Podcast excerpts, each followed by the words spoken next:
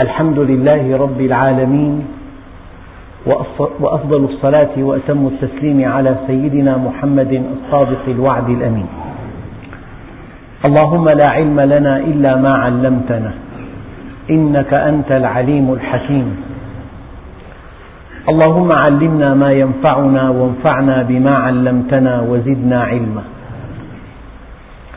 وأرنا الحق حقا وارزقنا اتباعه. وأرنا الباطل باطلا وارزقنا اجتنابه. واجعلنا ممن يستمعون القول فيتبعون أحسنه وأدخلنا برحمتك في عبادك الصالحين. أيها الإخوة المؤمنون مع الدرس السابع والثلاثين من سورة البقرة ومع الآية السابعة والتسعين وهي قوله تعالى قل من كان عدوا لجبريل فإنه نزله على قلبك بإذن الله مصدقا لما بين يديه وهدى وبشرى للمؤمنين. أيها الإخوة الكرام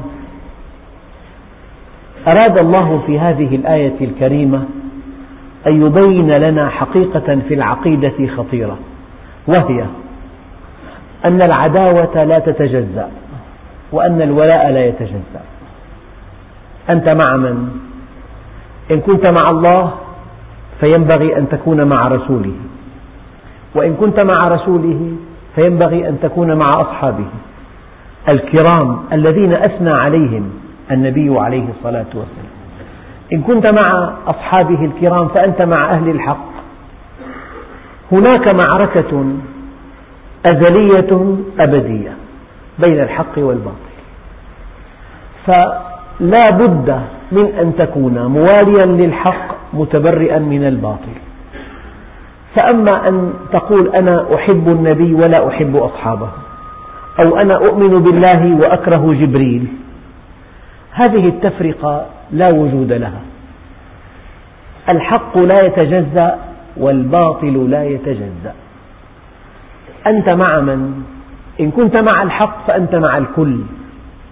وإن كان مع الباطل هذا الإنسان الشارد فهو مع أعداء الدين جميعا. إما في خندق أهل الإيمان وإما في خندق أهل الكفران. إما مع الحق وإما مع الباطل. والدليل أن في الحياة اتجاهين. إن لم تكن على أحدهما فأنت على الآخر قطعا. والدليل على ذلك قول الله عز وجل فإن لم يستجيبوا لك فاعلم أنما يتبعون أهواءهم. وماذا بعد الحق؟ إلا الضلال. بعد الحق في ضلال. لأنه بين نقطتين لا يرسم إلا مستقيم واحد. فمهما وصلت بين النقطتين تأتي كل هذه المستقيمات فوق بعضها بعضا. فالحق لا يتجزأ. أما الباطل يتعدد لأن الخطوط المنحرفة والمنحنية والمنكسرة كثيرة جدا. لذلك ربنا عز وجل أشار إلى هذه الحقيقة. يخرجهم من الظلمات جمع إلى النور النور واحد. وأن هذا صراطي مستقيما فاتبعوه ولا تتبعوا السبل فتفرق بكم عن سبيله. الحق لا يتعدد الباطل كثير جدا. في باطل اعتقادي في باطل سلوكي في باطل انحرافه خمس درجات عشر درجات مئة درجة في إلحاد الباطل يتعدد. وهناك معركة أزلية أبدية بين الحق والباطل. ولا بد من الولاء والبراء. إن واليت الله يجب أن توالي رسول الله. أعداء الدين ينفذون إلى التفرقة. يعني أنا أريد القرآن لا أريد السنة. من قال لك ذلك؟ إذا كان القرآن الكريم يقول وما آتاكم الرسول فخذوه وما نهاكم عنه فانتهوا. فأنت إن رفضت سنة النبي رفضت القرآن. القرآن وسنة النبي العدنان وسيرة صحابته الكرام وسيرة السلف الصالح من المؤمنين والعلماء العاملين هذا هو الحق والباطل. كل انحراف عن منهج الله ورفض لأوامره فهو كفر. فهذه التفرقة تفرقة لا وجود لها مفتعلة. وقد ذكرت اليوم أن الناس رجلين أن الناس رجلان. رجلان فقط. إنسان عرف الله فانضبط بمنهجه سار على منهجه وأحسن إلى خلقه فاتصل به فسعد في الدنيا والآخرة. ورجل غفل عن الله فتفلت من منهجه وأساء إلى خلقه فشقي في الدنيا والآخرة. ولن تجد رجلا ثالثا. يؤكد هذا ما رواه النبي ما روي عن النبي صلى الله عليه وسلم أن الناس رجلان بر تقي كريم على الله وفاجر شقي هين على الله. هي حقيقة. فقل من كان عدوا لجبريل فإنه نزله على قلبك بإذن الله. الذي يؤمن برسول الله يجب أن يؤمن بالسيد المسيح عليه وعلى نبينا أفضل الصلاة والسلام. الذي يؤمن بالإسلام يجب أن يؤمن أن الله عز وجل أنزل كتبه على أنبيائه السابقين وأن هذه الرسالات فحواها واحدة ومضمونها واحد وما أرسلنا من رسول إلا نوحي إليه أنه لا إله إلا أنا فاعبدون. وكل الأنبياء جاءوا بهذه الحقيقة أن اعبدوا الله ما لكم من إله غيره. فالدين كله معرفة أنه لا إله إلا الله وعبادة الله عز وجل وفق ما أمر هذا الدين. فالمؤمن الأمور كلها واضحة الأمور كلها منسجمة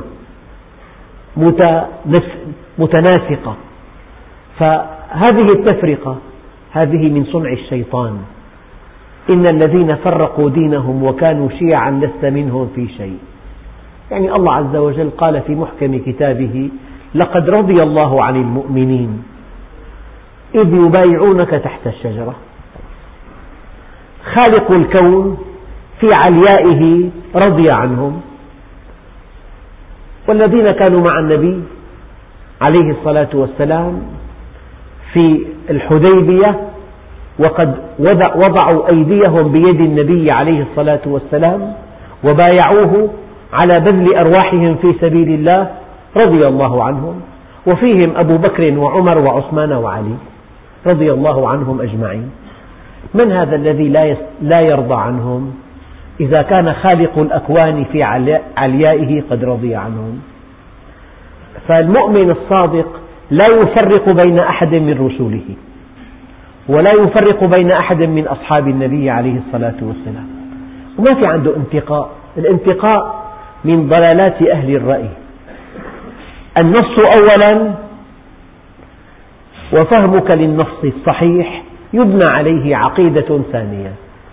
أما أن أبدأ بالرأي وأبحث له عن نص يؤيده وأغفل نصا لا يؤيده هذا ليس هو الدين. هذه ضلالات أهل الرأي. الرأي أولا والنص ثانيا. والنص في خدمة الرأي. فالنص الذي يخدم هذا الرأي أقبله وأعظمه وأرفع مكانته والنص قطعي الدلالة والثبوت الذي لا يؤيد هذا الرأي أهمله أو أكذبه. صار في ألف دين. إذا بدأنا بالرأي في ألف دين أما إذا بدأنا بالنص في دين واحد. الشيء الذي ينبغي أن يكون هو أن هذا الإسلام الذي جاء به القرآن وجاء به النبي العدنان يجب أن يستمر كما بدأ إلى يوم القيامة. كيف يستمر؟ بأن نمنع أن نزيد عليه أو أن نحذف منه. نمنع أن نزيد عليه أو أن نحذف منه. فإذا سمعتم كلمة تجديد التجديد يعني أن نزيل عن الدين ما علق به مما هو ليس منه. هذا هو التجديد. وأوضح مثل حينما نأتي لبناء حجري قديم تراكمت عليه آه، الأتربة والغبار حتى أصبح أسود اللون.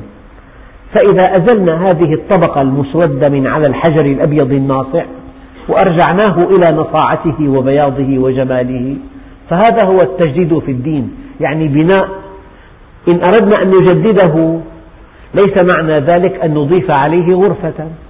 ولا أن نحذف منه طابقا.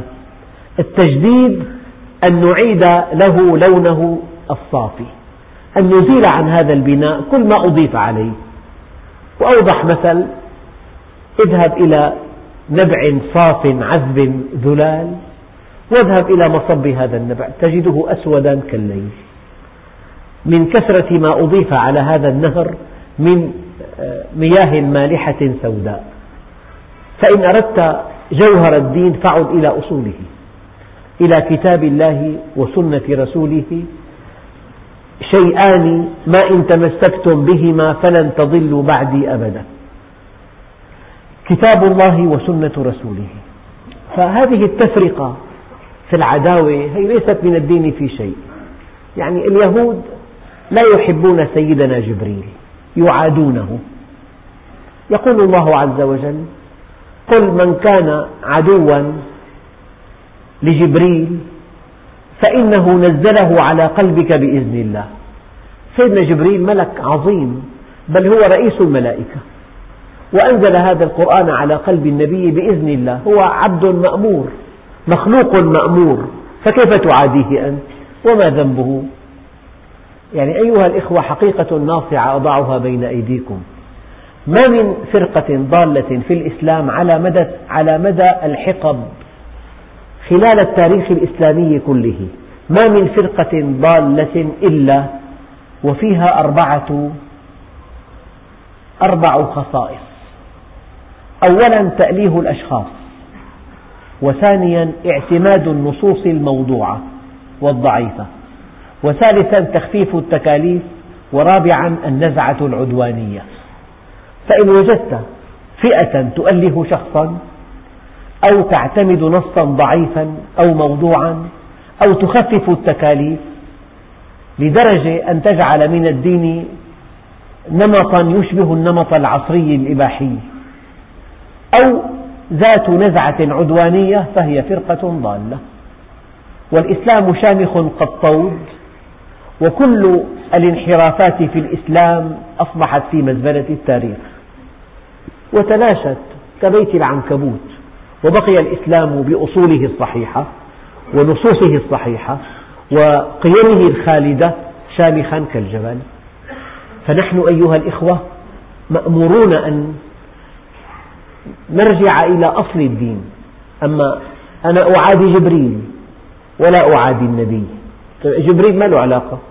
أنزل هذا الكتاب على قلب النبي بإذن الله. مخلوق مأمور. فافتعال العداوات من شيم أهل الضلال. افتعال العداوة. نحن في عنا طرفان الحق والباطل. الله عز وجل ونبيه الكريم وصحابته الكرام والعلماء العاملون الصادقون وأولياء الله الصالحون. هؤلاء طرف واحد. ومن أنكر شيئا من كلام الله أو من نبوة رسول الله أو من حديث رسول الله هذا الإنكار ينقله إلى خندق الخندق الآخر. أيها الإخوة الكرام قل من كان عدوا لجبريل فإنه نزله على قلبك بإذن الله مصدقا لما بين يديه وهدى وبشرى للمؤمنين. آه، المؤمن عنده ما يسمى بالولاء والبراء الولاء والبراء. هذا المعنى مستقى من أحاديث كثيرة من أبرزها. قول النبي عليه الصلاة والسلام ثلاث من كن فيه وجد بهن حلاوة الإيمان. أن يكون الله ورسوله أحب إليه مما سواهما. وأن يحب المرء لا يحبه إلا لله وأن يكره أن يعود في الكفر كما يكره أن يلقى في النار. فهذا الحديث ينقلنا إلى موضوع لا بد من أن نعالجه دقيق جدا. هناك حقائق الإيمان وهناك حلاوة الإيمان. الذي يشدك إلى الدين ليست حقائق الإيمان فحسب بل حلاوة الإيمان. والذي يبعدك عن الدين أن تفتقر إلى حلاوة الإيمان. حلاوة الإيمان شيء يذوقه المؤمن وقد لا يستطيع أن يصفه. إن أردت أن تسميه سكينة فهو السكينة التي تتنزل على قلب المؤمن.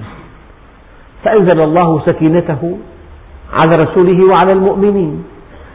إن أردت أن تسميه نورا يقذفه الله في قلب المؤمن فهو كذلك. إن أردت أن تسمي حلاوة الإيمان هذا التجلي الذي يتجلى الله به على قلوب عباده المؤمنين هو كذلك. إن أردت أن تسمي حلاوة الإيمان هذا الذوق الرفيع الذي يعيش به المسلم. هذا الذوق الرفيع الذي يذهله عن كل شيء. فمن عرف الله زهد فيما سواه هذه حلاوة الإيمان. هذه التي تشده إلى الدين. هذه التي تجعله يدفع الغالي والرخيص والنفس والنفيس. هذه التي تجعله كالمرجل لا يهدأ. هذه التي تجعله يقدم كل شيء لله عز وجل. هذا الذي يرفعه إلى أعلى عليين. هذا الذي يجعله في مراتب الصديقين. حلاوة الإيمان. حلاوة الإيمان ثمنها ثلاث أشياء. أن يكون الله ورسوله أحب إليه مما سواهما. طبعا قد يقول أحدكم والكلام سهل جدا أنا أحب الله ورسوله أكثر من كل شيء. كلام بسيط سهل يدعيه كل إنسان. ولكن علماء الحديث قالوا أن يكون الله ورسوله أحب إليه مما سواهما عند التعارض عند التعارض. يعني أنت في أمس الحاجة إلى المال. وعرض عليك مبلغ كبير. تحل به كل مشكلاتك. ولكن هذا المبلغ فيه شبهة بالدين إن أخذته لا يرضى الله عنك. فإذا وضعته تحت قدمك وقلت الله, الله هو الغني. حينما تعارض هذا المبلغ من المال مع النص وآثرت طاعة الله على قبض هذا المبلغ الآن أثبتت لنفسك وللناس أن الله ورسوله أحب إليك مما سواهما. عندئذ تذوق حلاوة الإيمان. عندئذ تذوق حلاوة الإيمان. قل إن كان آباؤكم وأبناؤكم وأزواجكم وإخوانكم وعشيرتكم كل من حولك. يعني أحب إليكم من الله ورسوله. يعني فعلت عملا لا يرضي الله بل هو يرضي زوجتك. فعلت شيئا لا يرضي الله بل يرضي أباك. فعلت شيئا لا يرضي الله بل يرضي ابنك. فعلت شيئا لا يرضي الله بل يرضي أخاك. يعني آثرت إرضاء هؤلاء المخلوقين على إرضاء خالق الأنبياء والمرسلين. عندئذ أنت لا تحب الله ولا ترجو رحمته. هي هنا المشكلة. قل إن كان آباؤكم وأبناؤكم وأزواجكم وعشير إلى آخره. وأموال اقترفتموها. وتجارة تخشون كسادها. ومساكن ترضونها. بيت بالقوانين بإمكانك أن تبقى فيه إلى إلى نهاية حياتك. محمي بالقانون. لكن لك بيت آخر. وبإمكانك أن تحل مشكلة صاحب البيت فيزوج به ابنه. وأنت لك بيت. قد يكون أقل مستوى. لكن ألا ترضي الله ألا تفعل هذا إرضاء لله عز وجل؟ فإذا المساكن ترضونها والتجارة التي تخشون كسادها مشبوهة. النبي عليه الصلاة والسلام يقول الاقتصاد في المعيشة خير من بعض التجارة. إذا تجارة المواد محرمة أو طريقة التعامل محرمة أو فيها شبهات الاقتصاد في المعيشة خير من بعض التجارة.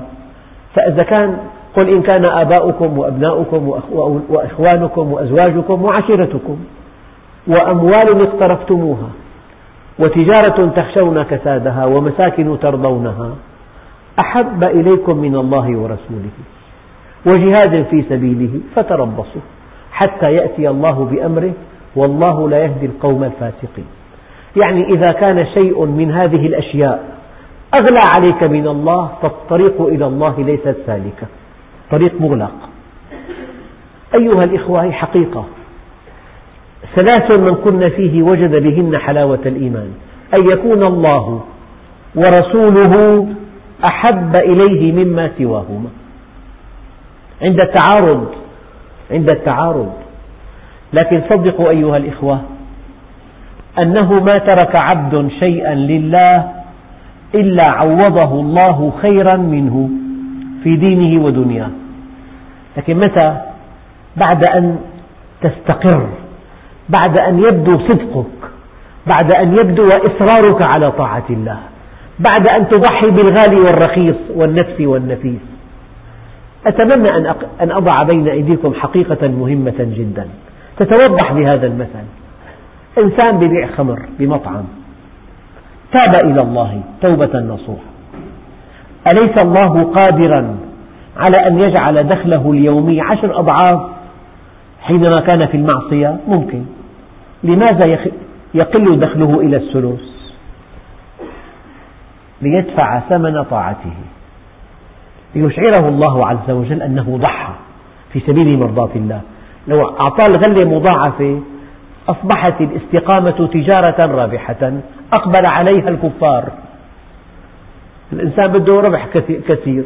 لو واحد ألغى الخمر قامت تضاعفت الغلة بيجي واحد كافر فاسق بيلغي الخمر كمان. هذا شيء يعني بيلفت النظر. في مطعم بمدينة من مدن سوريا كاتب صاحب المطعم شرب الخمر ممنوع بأمر الرب والرزق على الله. يعني هذا المطعم عليه إقبال منقطع النظير. فجيران هذا المطعم المطاعم الأخرى أصحابها ليسوا مسلمين كتبوا نفس العبارات. ليستخدموا الزبائن. فلو الله عز وجل الإنسان حينما يضحي حينما يلتزم فجأة بيعطيه عشر أضعاف لأصبحت الاستقامة تجارة في الدنيا أقبل عليها الكفار. لذلك حينما ترفض بيع الخمر يقل الدخل. فأنت إذا صبرت على قلة الدخل وعلى دخل قليل جدا لكنك أرضيت خالق الأكوان بعد حين بعد أن تثبت على هذا يعوض الله عليك أضعافا مضاعفة. نقطة مهمة جدا. هي. يا أيها الذين آمنوا إنما المشركون نجس. فلا يقربوا المسجد الحرام بعد عامهم هذا. طيب لما أنتم منعتوهم من دخول بيت الله الحرام ضعفت تجارة السياحة. ما عاد في سياح. فنادق فارغة. دور اللهو فارغة. المطاعم فارغة. هي السياحة دخل كبير جدا. قال وإن خفتم عيلة فسوف يغنيكم الله من فضله. بس كلمة فسوف مو الآن. بعد أن تدفعوا ثمن هذه الطاعة تدفعوها جلية واضحة وترقون بها عند الله الله عز وجل بعد حين. فأريد من هذا الكلام أيها الإخوة أنه ما ترك عبد شيئا لله إلا عوضه الله خيرا منه في دينه ودنياه. فلذلك آه، أن يكون الله ورسوله أحب إليه مما سواهما عند التعارض. وأن يحب المرء لا يحبه إلا لله. هذا هو الولاء والبراء. يجب أن تحب المؤمنين ولو كانوا ضعافا ولو كانوا فقراء ولو كانوا في الدرجة الدنيا في المجتمع. ويجب أن تكره الكفار أعداء الله ولو كانوا أقوياء ولو كانوا متألقين في الدنيا. لا تعجبك أموالهم ولا أجسامهم ولا أولادهم. هذا المؤمن يجب أن تكون رحيما بالمؤمنين. أذلة على المؤمنين أعزة على الكافرين. لا أن تكون بالعكس. على المؤمن قاسي جدا. أما أمام القوي الكافر ضعيف جدا. مسالم جدا. هذا الذي يقسو على المؤمنين. قسوة لا مبرر لها. ويستخزي أمام الأقوياء ويضعف. هذا إنسان بعيد عن أن يكون مؤمنا. أيها الإخوة الكرام ساقني إلى هذا الكلام أن هذه الآية الكريمة تبين أن الحق لا يتجزأ ويجب أن توالي الحق أن تكون من أولياء الحق. يعني مثل وهذا المثل خطير إن الذين يحبون فقط ما فعلوا شيئا ما تكلموا ولا كلمة. ولا غمزوا ولا لمزوا ولا أشاروا ولا نطقوا ببنت شفة أبدا.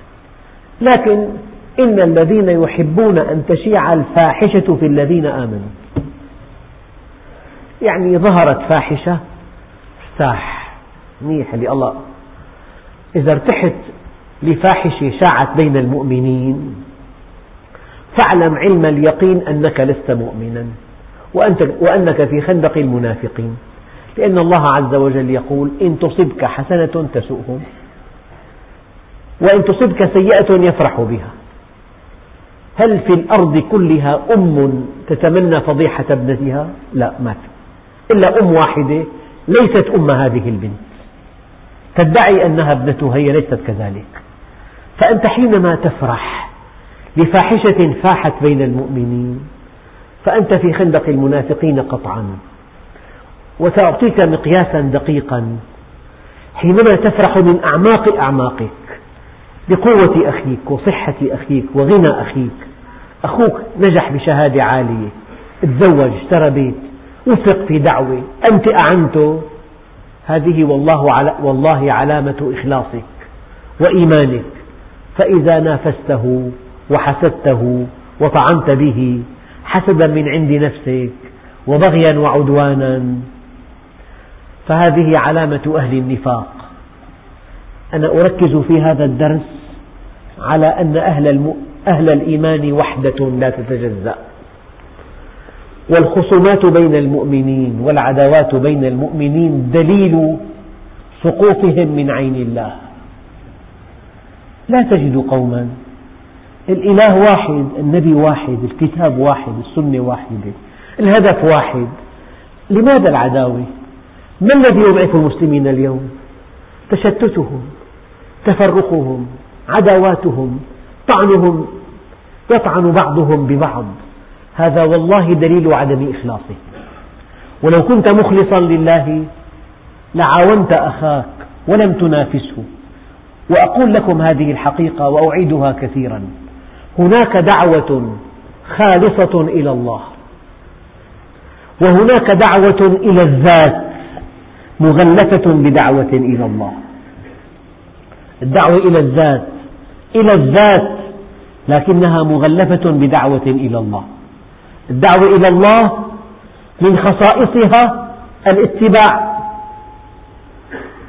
لا الابتداع. إنما أنا متبع ولست بمبتدع. من خصائصها التعاون لا التنافس. يعني أخ كريم لفت نظري. كان مسافر في بلد وعاد وهو أهل أن يكون داعية.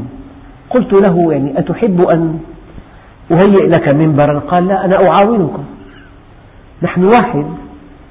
هذا الذي ينكر ذاته ويعاون أهل الحق له أجر كأجرهم.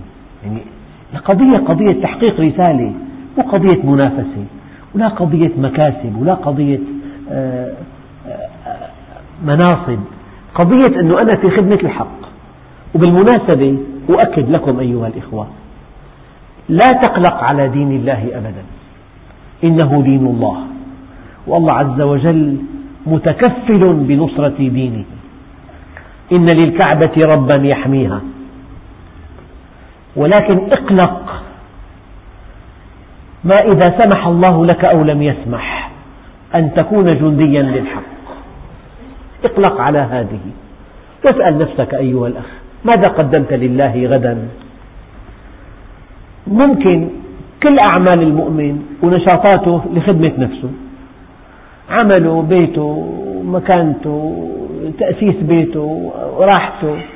طيب ماذا فعلت في سبيل الله؟ ما الذي فعلته من أجل أن يرضى الله؟ لو أن الله أوقفك بين يديه يوم القيامة يقول لك يا عبدي ماذا صنعت من أجلي؟ يا رب اشتريت بيت سكنت بالبيت وتآويت مع أولادك. يا رب اشتغلت وحصلت دخل كبير. طبعا أتاح لي أن آكل أطيب طعام وأن أرتدي أجمل الثياب وأن أسافر. طيب هذا من أجلك. ماذا فعلت من أجلي؟ يعني لابد من ساعة تأمل ذاتية. يسأل الواحد منكم نفسه ماذا فعلت من أجل الله؟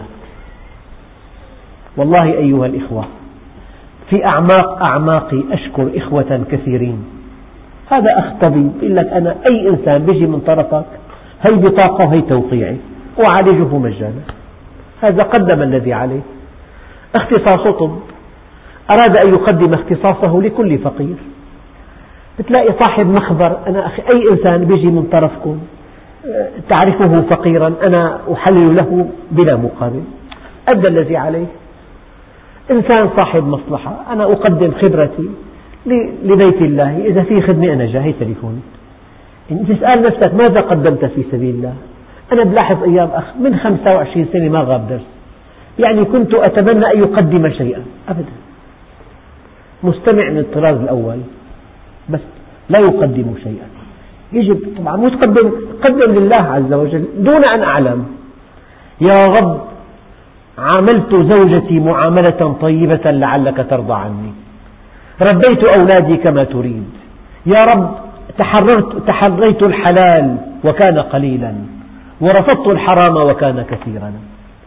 يا رب آثرت طاعتك على الدنيا وما فيها. قدم شيء لله عز وجل. يعني الاستماع جيد لكن لا يكفي. كنت قبل ساعة في عقد قران والمنشدون أنشدوا إنشادا طيبا في مدح رسول الله صلى الله عليه وسلم. فكان تعليقي على إنشادهم قلت الإنشاد طيب. وأن تمدح النبي شيء عظيم وشيء يسلج الصدر. ولكن لو أن ابنا جاهلا لا يقرأ ولا يكتب وله أب عالم كبير أمضى هذا الابن كل حياته في مدح أبيه أمام الناس. هل يرتقي؟ أبدا.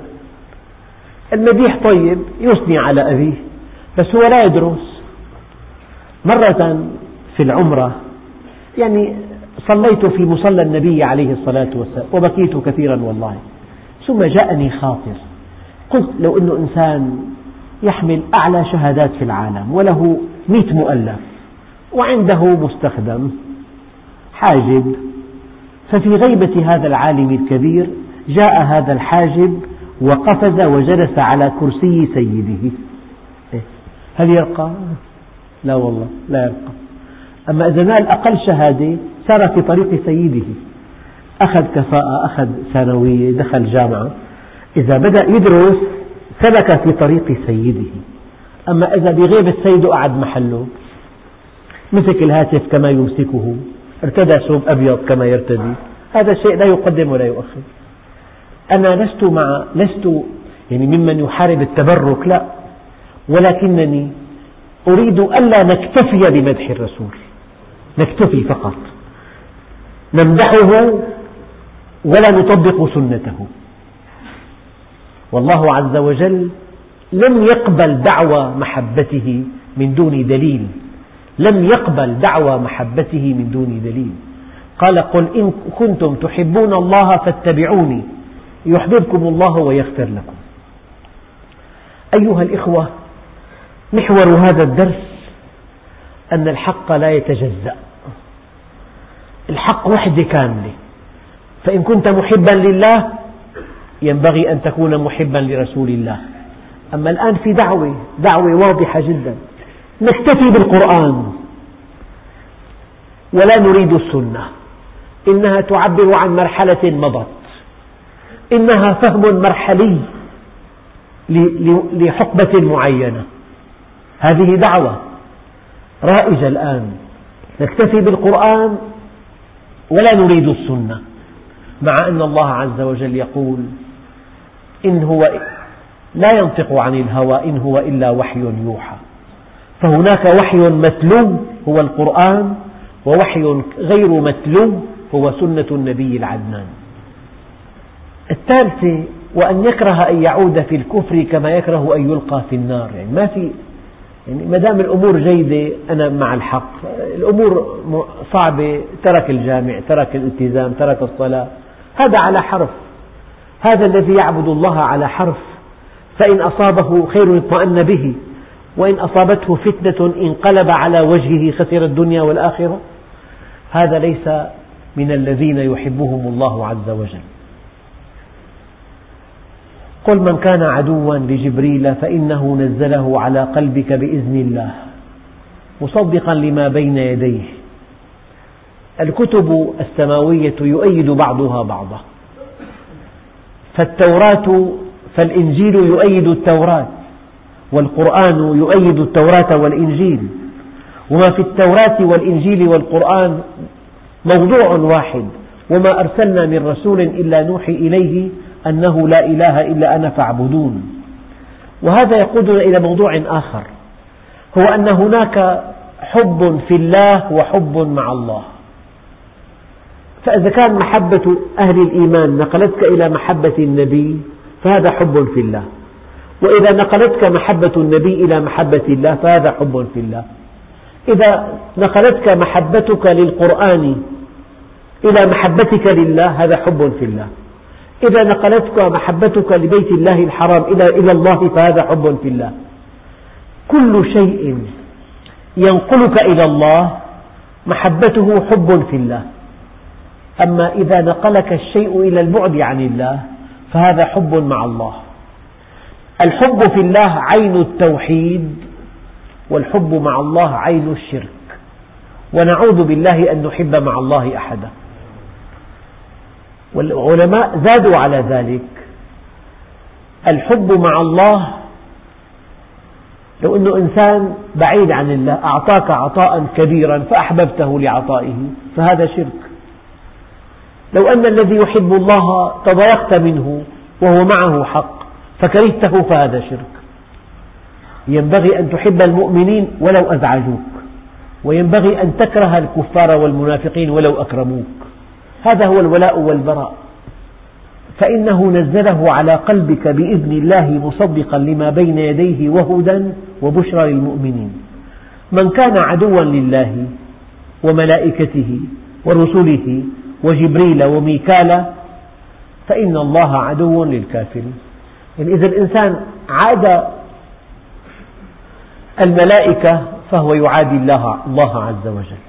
عاد الرسل فهو يعادي الله عز وجل. عاد جبريل فهو يعادي الله عز وجل. عاد ميكال فإن الله عدو للكافرين. يعني عداوة قال له يا أحد الصحابة ناداه باسمه لا تبغضني فتفارق دينك. قال معاذ الله يا رسول الله كيف نبغضك وبك هدانا الله؟ قال تبغض العرب فتبغضني يعني هيك تذم العرب باستمرار. هي مشكلة كبيرة جدا. بتذم أناس شاردين عن الله. أما الأمم التي تبدو في عينك متحضرة وحوش. ألا تراهم ماذا يفعلون بالعالم؟ وحوش من أعتى أنواع الوحوش. وإذا في ميزة لما يجري في العالم الآن هو أن هذا هذه الأقنعة المزيفة سقطت. وأن هذا العالم الراقي المتقدم اللي فيه حقوق إنسان وقيم وحضارة وعلم الآن بالوحل أصبح الذي يفعله بنو البشر الشاردون عن الله عز وجل يفعلون شيئا تندى له البشرية. تستحي والله أن تنتمي إلى الجنس البشري مما يجري في بلاد أخرى. هذا الإنسان البعيد عن الله وحش وحش. بل والله حينما نقول وحش يجب أن يعترض علينا الوحوش لأننا نسبهم بهذا. والله أشرس من الوحوش. فهذا الدين الدين إنسان دين يسمو بالإنسان يجعله في أعلى مرتبة. إذا إذا الإنسان من كان عدوا لله وملائكته ورسله وجبريل وميكال فإن الله عدو للكافرين. يعني عداوة شيء فقرة من فقرات الحق تنقلك إلى عداوة الله عز وجل. يعني في شيء مؤلم جدا أتمنى ألا, يكون إطلاقا. يعني إنسان يدخل لمسجد أخ كريم قد عن قصد أو عن غير قصد يؤذيه. فمن ضعف إيمان الثاني يفارق الدين كله لك أهل الدين غلط. غلط كبير هذا. المفروض الإنسان إذا كان في مسجد هو سفير المسلمين. يجب أن يعلم علم اليقين أنه ربما إذا أساء لإنسان أن تسبب هذه المساءة للطرف الثاني أن يفارق الدين كله. أنت مهمتك أن تحبب مهمتك أن تقرب مهمتك أن آه، تدعم مهمتك أن تكون مثل أعلى. فانتبه أنت على ثغرة من ثغر الإسلام. فلا يؤتين من قبلك. بالمناسبة ألف تصرف ذكي مخلص. يشد إنسانا إلى دين إلى شيء إلى جهة. ألف تصرف ذكي مخلص حكيم بشدك لشيء. تصرف أحمق واحد يبعدك عن هذا الشيء. فقبل ما تسيء لمؤمن عد للمليون قبل أن تقسو عليه. انتبه. أنت بتمثل الإسلام. كل واحد منكم بمحيطه بيمثل الدين. أنت محسوب على أسرتك وعلى من حولك أنك, أنك شيخ. لك فلان مشيخ طلب العلم. يعني صار بالجامع الفلاني. فأنت كل حركاتك وسكناتك مرصودة تحت الأضواء الكاشفة. فإذا أخطأت تسبب السمعة السيئة لمن حولك ولجامعك. الآيتين اليوم من كان عدوا لله وملائكته ورسله وجبريل وميكالا فإن الله عدو للك هذا كفر. عداوة الملائكة عداوة الأنبياء عداوة أهل الإيمان نوع من أنواع الكفر. وقد قال عنه العلماء كفر دون كفر. أيها الإخوة الكرام محور هذا الدرس أن الحق لا يتجزأ وأن الاتباع والولاء هو الذي ينبغي أن نفعله كمؤمنين. ثم إن عداوة جزء من الدين تجرك إلى عداوة الدين كله. هي حقيقة خطيرة. ثم يقول الله عز وجل ولقد أنزلنا إليك آيات بينات وما يكفر بها إلا الفاسقون. في علاقة بين التكذيب والفسق وبين الإيمان والاستقامة. سأدلك على الطريق. لمجرد أن تستقيم على أمر الله تتقبل الحق. تتقبل الحق بشغف شديد ويسعدك الحق لأنك مستقيم. ولا تقبل الحق بقدر الفسق. ولقد أنزلنا إليك آيات بينات. آيات بينات واضحات نيرات مقنعات باهرات وما يكفر بها إلا الفاسقون. يعني مثلا إنسان دخله ربوي يقول لك الدين ما بيتناسب مع العصر. يقول لك يعني في آيات مو معقولة. معقول إنسان يجمد ماله. لماذا بدأ يشك في مصداقية كلام الله؟ أنه انطلق من الربا. إنسان يعيش الاختلاط بكل بشاعته. لا يقبل آيات الحجاب أبدا. يرفضها هذا الحجاب بدعة جاءتنا في العهد العثماني. أنت استمع إلى حجج الفسقة كلهم يتناغمون. كلهم يرفضون الحق. أنه إذا رفضوا الحق دافعوا عن أنفسهم توازنوا. لو قبل معك الحق وهو غير مستقيم انكشف اختل توازنه صار في عنده مشكلة. فلا بد من أن يعيد التوازن بأن يرفض الحق. فلذلك وما يكذب وما يكفر بها إلا الفاسقون. أو كلما عاهدوا عهدا نبذه فريق منهم. يعني المؤمن الصادق يتوب توبة واحدة. أما ضعاف المؤمنين كلما عقد توبة نقضها كلما عقد توبة نقضها تغلبه نفسه. ربنا غلبت علينا شقوتنا أو كلما عاهدوا عهدا نبذه فريق منهم بل أكثرهم لا يؤمنون. لأنه إيمانه ضعيف وشهوته قوية. أما إذا العكس الإيمان قوي تضعف الشهوة. ما دام الإيمان ضعيف الشهوة قوية يعني الإنسان مندفع. مع اندفاعه يحتاج إلى مقود هو الشرع. إذا ما في مقود الحادث حتمي. اندفاع بلا مقود فالحادث حتمي. فكل إنسان في عنده شهوات يندفع بها إلى تحقيقها. وما في عنده منهج يسير عليه فوقوعه في حادث مروع حتمي. ولما جاءهم رسول من عند الله مصدق لما معهم. نبذ فريق من الذين أوتوا الكتاب كتاب الله وراء ظهورهم كأنهم لا يعلمون. كانوا يستفتحون على الذين آمنوا. سيأتي نبي وسنؤمن به ونتفوق عليكم. فلما جاءهم ما عرفوا كفروا به. لما جاءهم كتاب من رسول من عند الله مصدق لما معهم نبذ فريق منهم من الذين أوتوا الكتاب كتاب الله وراء ظهورهم كأنهم لا يعلمون واتبعوا ما تتلو الشياطين على ملك سليمان وما كفر سليمان ولكن الشياطين كفروا. وهذه الآيات إلى الدرس القادم إن شاء الله والحمد لله رب العالمين.